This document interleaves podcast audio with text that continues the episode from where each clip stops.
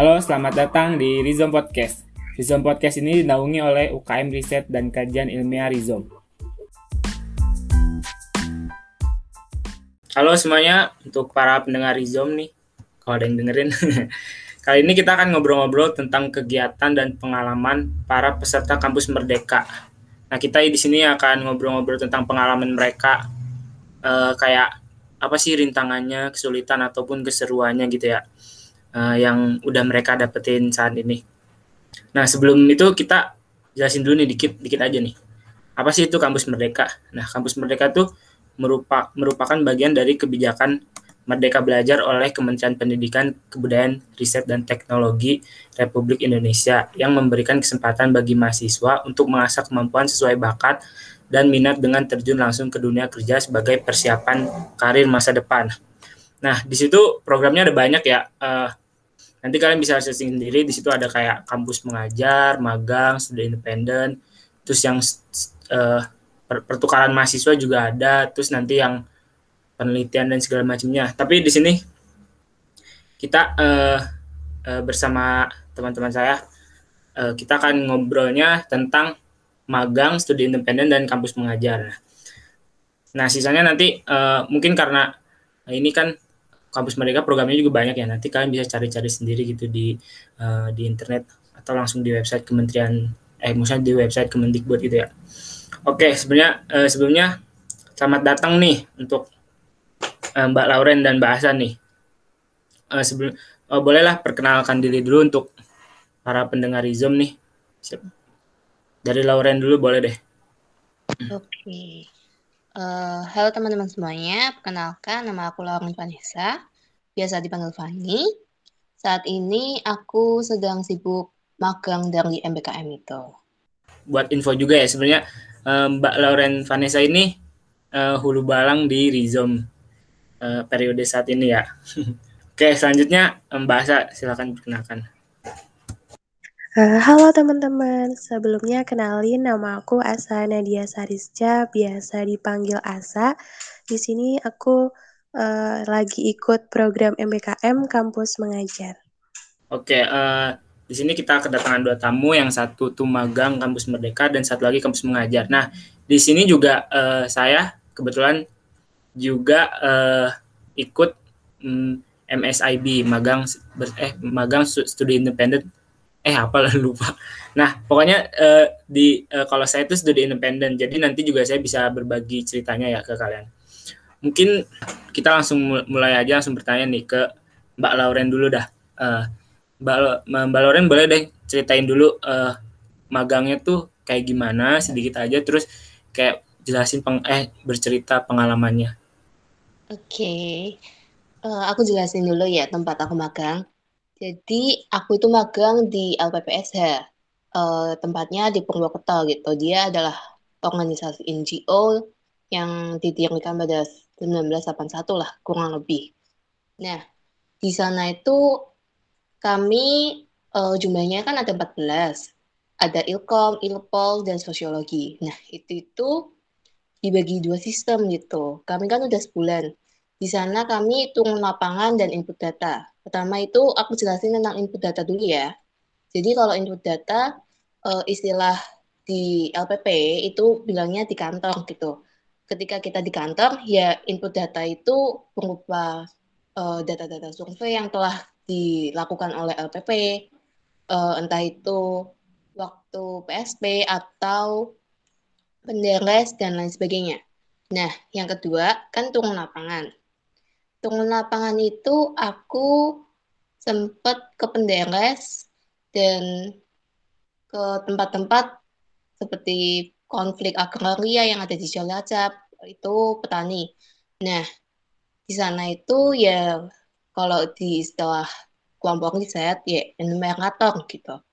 Nah, kita itu nanya-nanya tentang misalnya e, mereka lagi apa, terus masalahnya apa, kemudian uh, sesuai tujuan yang dilakukan oleh LPP.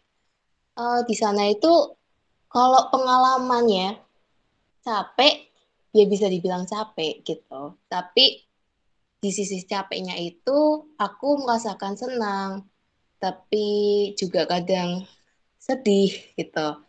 Karena ya kita tahu bahwa uh, tempat turun lapangannya LPP itu itu minimal kamu harus menempuh jarak 30 menit gitu. Jadi kalau misalnya dikaliin kan 30 kali 2 satu jam gitu. Jadi capeknya di jalan sih. Tapi ya senangnya kamu bisa ke tempat-tempat yang belum pernah kamu kunjungin, terus bisa nambah pengetahuan, nambah pengalaman, terus juga melatih uh, kayak public speakingnya kamu, entah itu ke petani atau ke masyarakat luas lah intinya gitu. Uh, mungkin segitu aja dari aku. Oke, okay. ini kan uh, Mbak Fani juga kan dari Rizom kan dari awal masuk ya dari maba tuh udah uh, udah join uh, Rizom. Terus uh, LPPSH ya itu namanya. Itu kan juga lembaga penelitian ya. Nah dalam uh, maksudnya pas magang itu ada nggak sih kayak yang kayak oh waktu waktu saya belajar pas kuliah atau yang di UKM Rizom tuh oh ternyata ada nih kepake dan segala macamnya. Kayak gitunya ada nggak sih? Ya jelas ada dong pastinya kan lembaga penelitian. Di situ itu kan dulu waktu Rizom dan waktu kuliah semester sebelumnya kan dijelasin itu metode penelitian, terus cara-cara ketika kita wawancara, cara-cara kita survei atau penelitian-penelitian lainnya.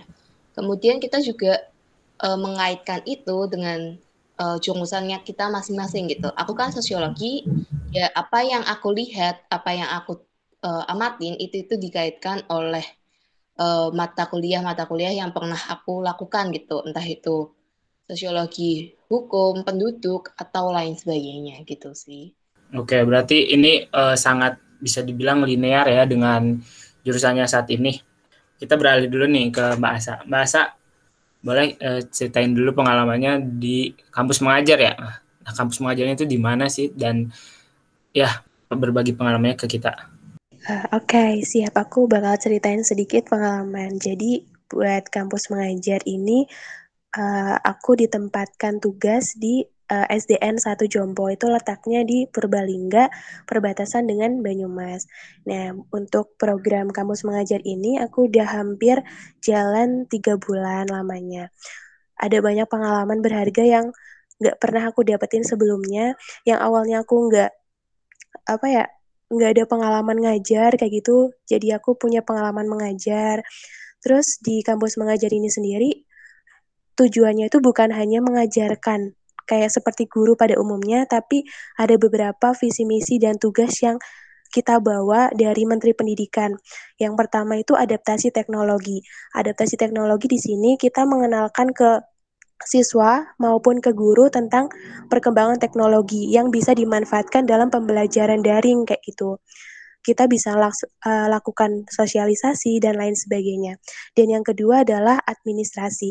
Dalam proses administrasi ini kita membantu sekolah uh, baik uh, guru ataupun siswa terkait uh, segala hal administrasi baik mengoreksi input data nilai, buat uh, tulisan ijazah, terus administrasi perpustakaan dan lain sebagainya.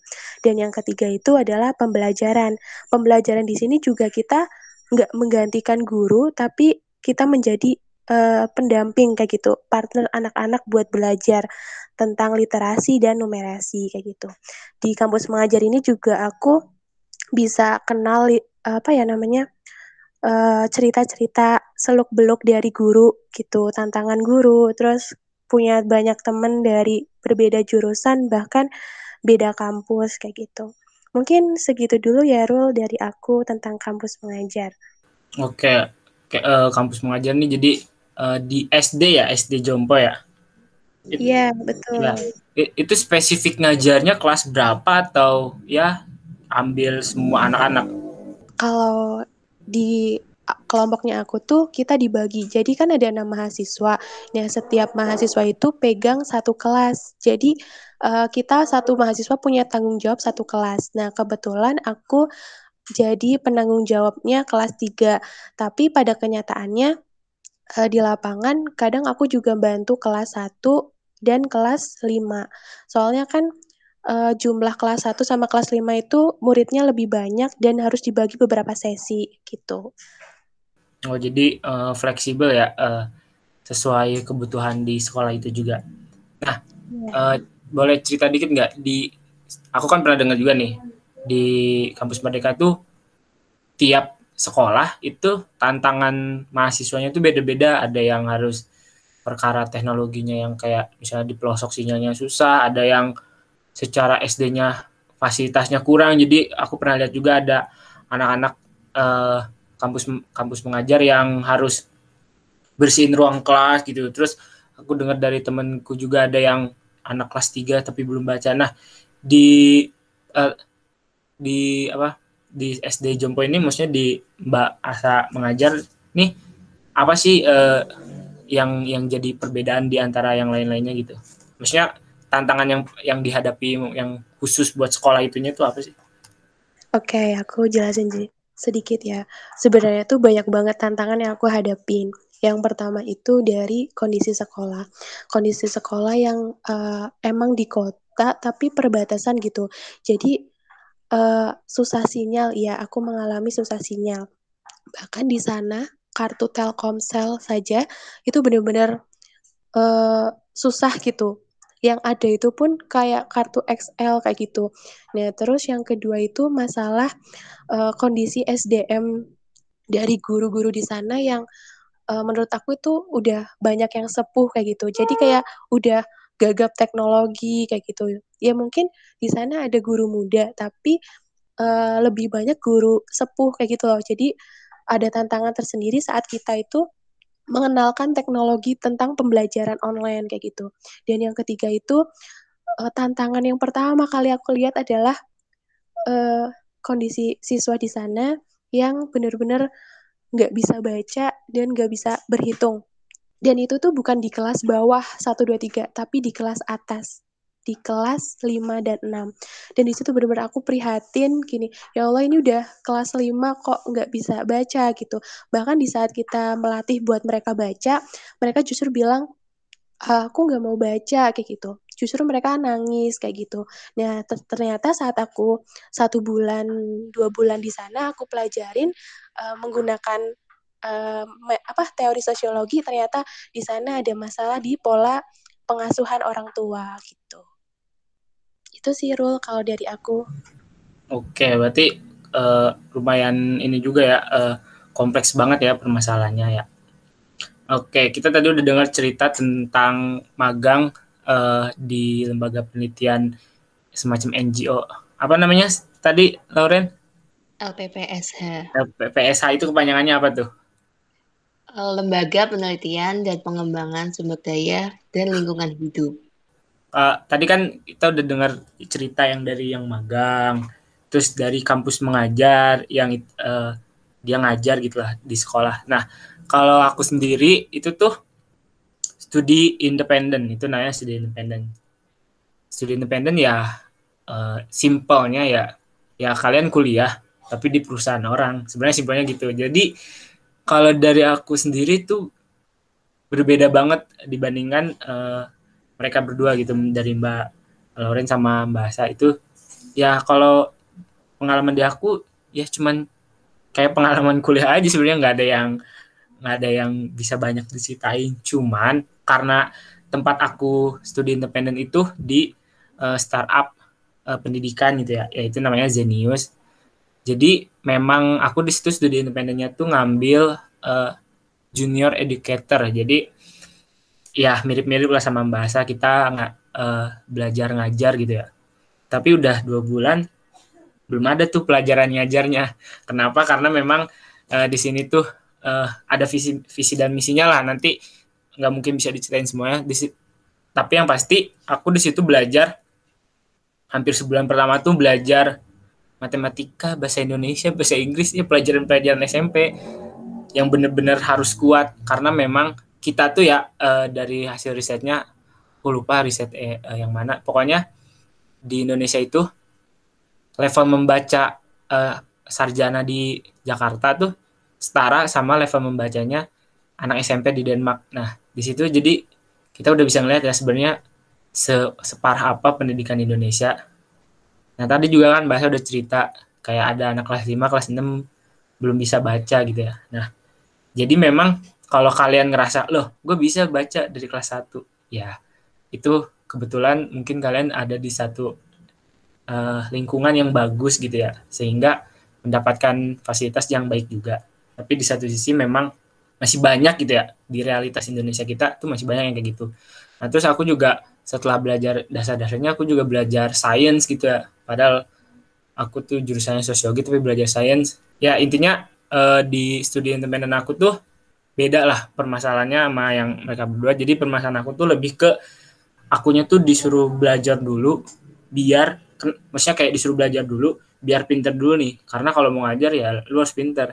Kalau kalau ngajarnya salah kan jadi makin hancur gitu ya.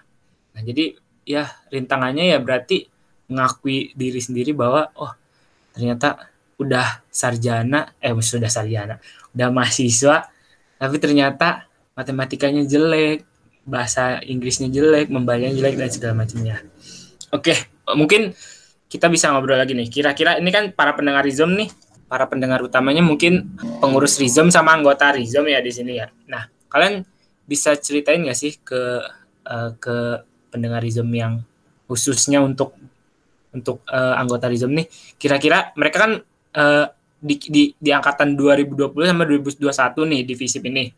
Nah, kira-kira menurut kalian bagus nggak sih untuk ikutan kampus Merdeka ini? Boleh ceritain atau misalnya kayak ngajak uh, lebih enak ikut kampus merdeka lah atau atau magang gitu boleh lah ceritain gitu oke okay. uh, eh, kalau aku pribadi aku recommended banget kalau misalnya adik-adikku teman-temanku sekalian itu buat ikut MBKM gitu banyak pengalaman banget pengetahuan banget gitu yang kamu dapetin di MBKM ini gitu entah itu pengalaman dan pengetahuan secara kelihatan maupun yang akan berguna gitu ke kemudian hari. Nah, di sini itu juga kamu bisa uh, nambah relasi gitu, entah itu ke pegawai-pegawainya, entah itu ke atasannya dan lain sebagainya. Di situ kan lumayan bisa menjadi jejaring kamu saat kamu kerja nanti gitu kan. Itu yang pertama. Yang kedua, uh, kalau kita bisa lihat pandemi itu merubah sistem pendidikan kita gitu kita juga tahu bahwa kuliah sekarang itu kan masih online walaupun ada yang offline gitu.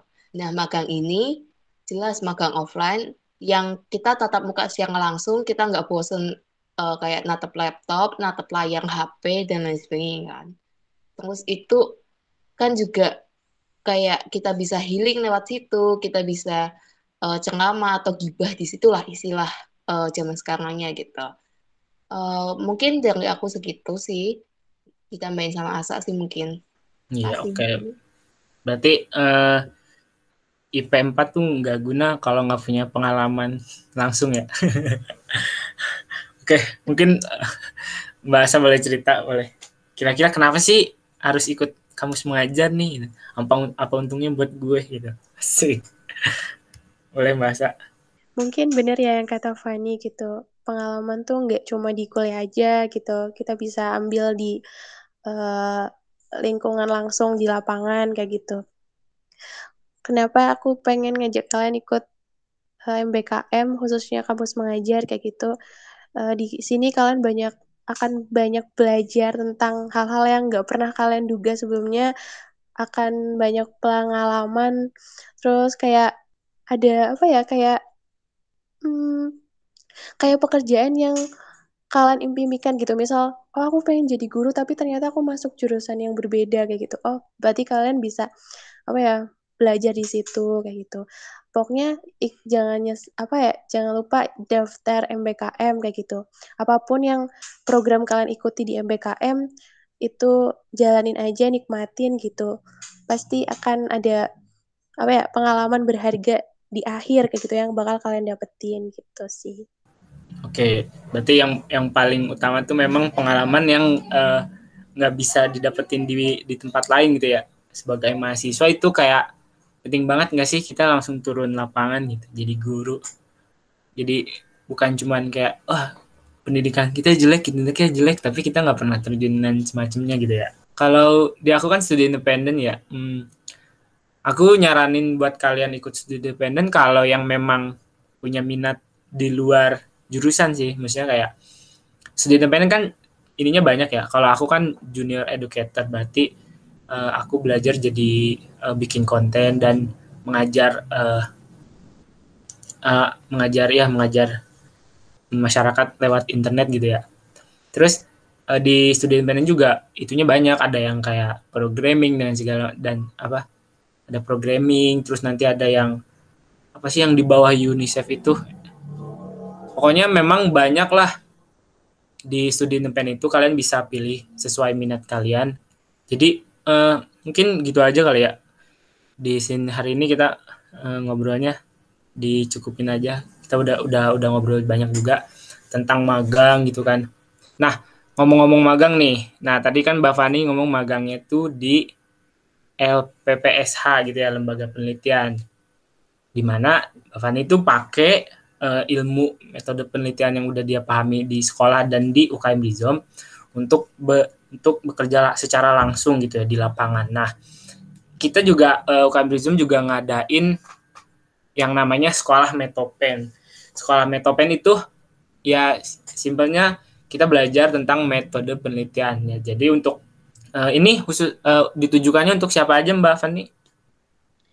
Oke, jadi sekolah metopen dikhususkan untuk pengurus, anggota RISOM maupun umum. Jadi teman-teman yang bukan uh, dari RISOM atau yang pengajar dari uns luar unsur, nggak apa-apa kok join gitu. Kita terbuka banget, kita open banget gitu. Ya oke, okay. jadi memang untuk memperdalam eh, ilmu eh, pengetahuan tentang metode penelitian gitu ya. Nanti juga ini enak lah buat skripsi kalau kalian ikutan gitu ya. Nah, eh, acara ini tuh akan ya ini ini belum fix saat saat rekaman ini eh, saat rekaman ini direkam tuh ini belum fix tapi uh, akan sekitar ya akhir November gitu ya. Jadi untuk kalian yang ingin tahu info lebih lanjut boleh ikuti sosial medianya Rizom. Ada Instagram, Twitter, YouTube. Namanya apa aja nih? Instagramnya tuh apa? Kalau Instagram Rizom Rizom.unsut. Kalau Facebooknya Rizom Unsut gitu. Jadi silahkan di follow, silahkan di like maupun di subscribe gitu. Oke, jadi uh, kalian uh, ikuti ya uh, sosial medianya. Mungkin uh, cukup uh, segitu aja ya. Terima kasih sebelumnya untuk Mbak Lauren sama Mbak Asa. Salam akar. Melawan dengan data. Oke, terima kasih. Sampai uh, jumpa kembali di podcast selanjutnya.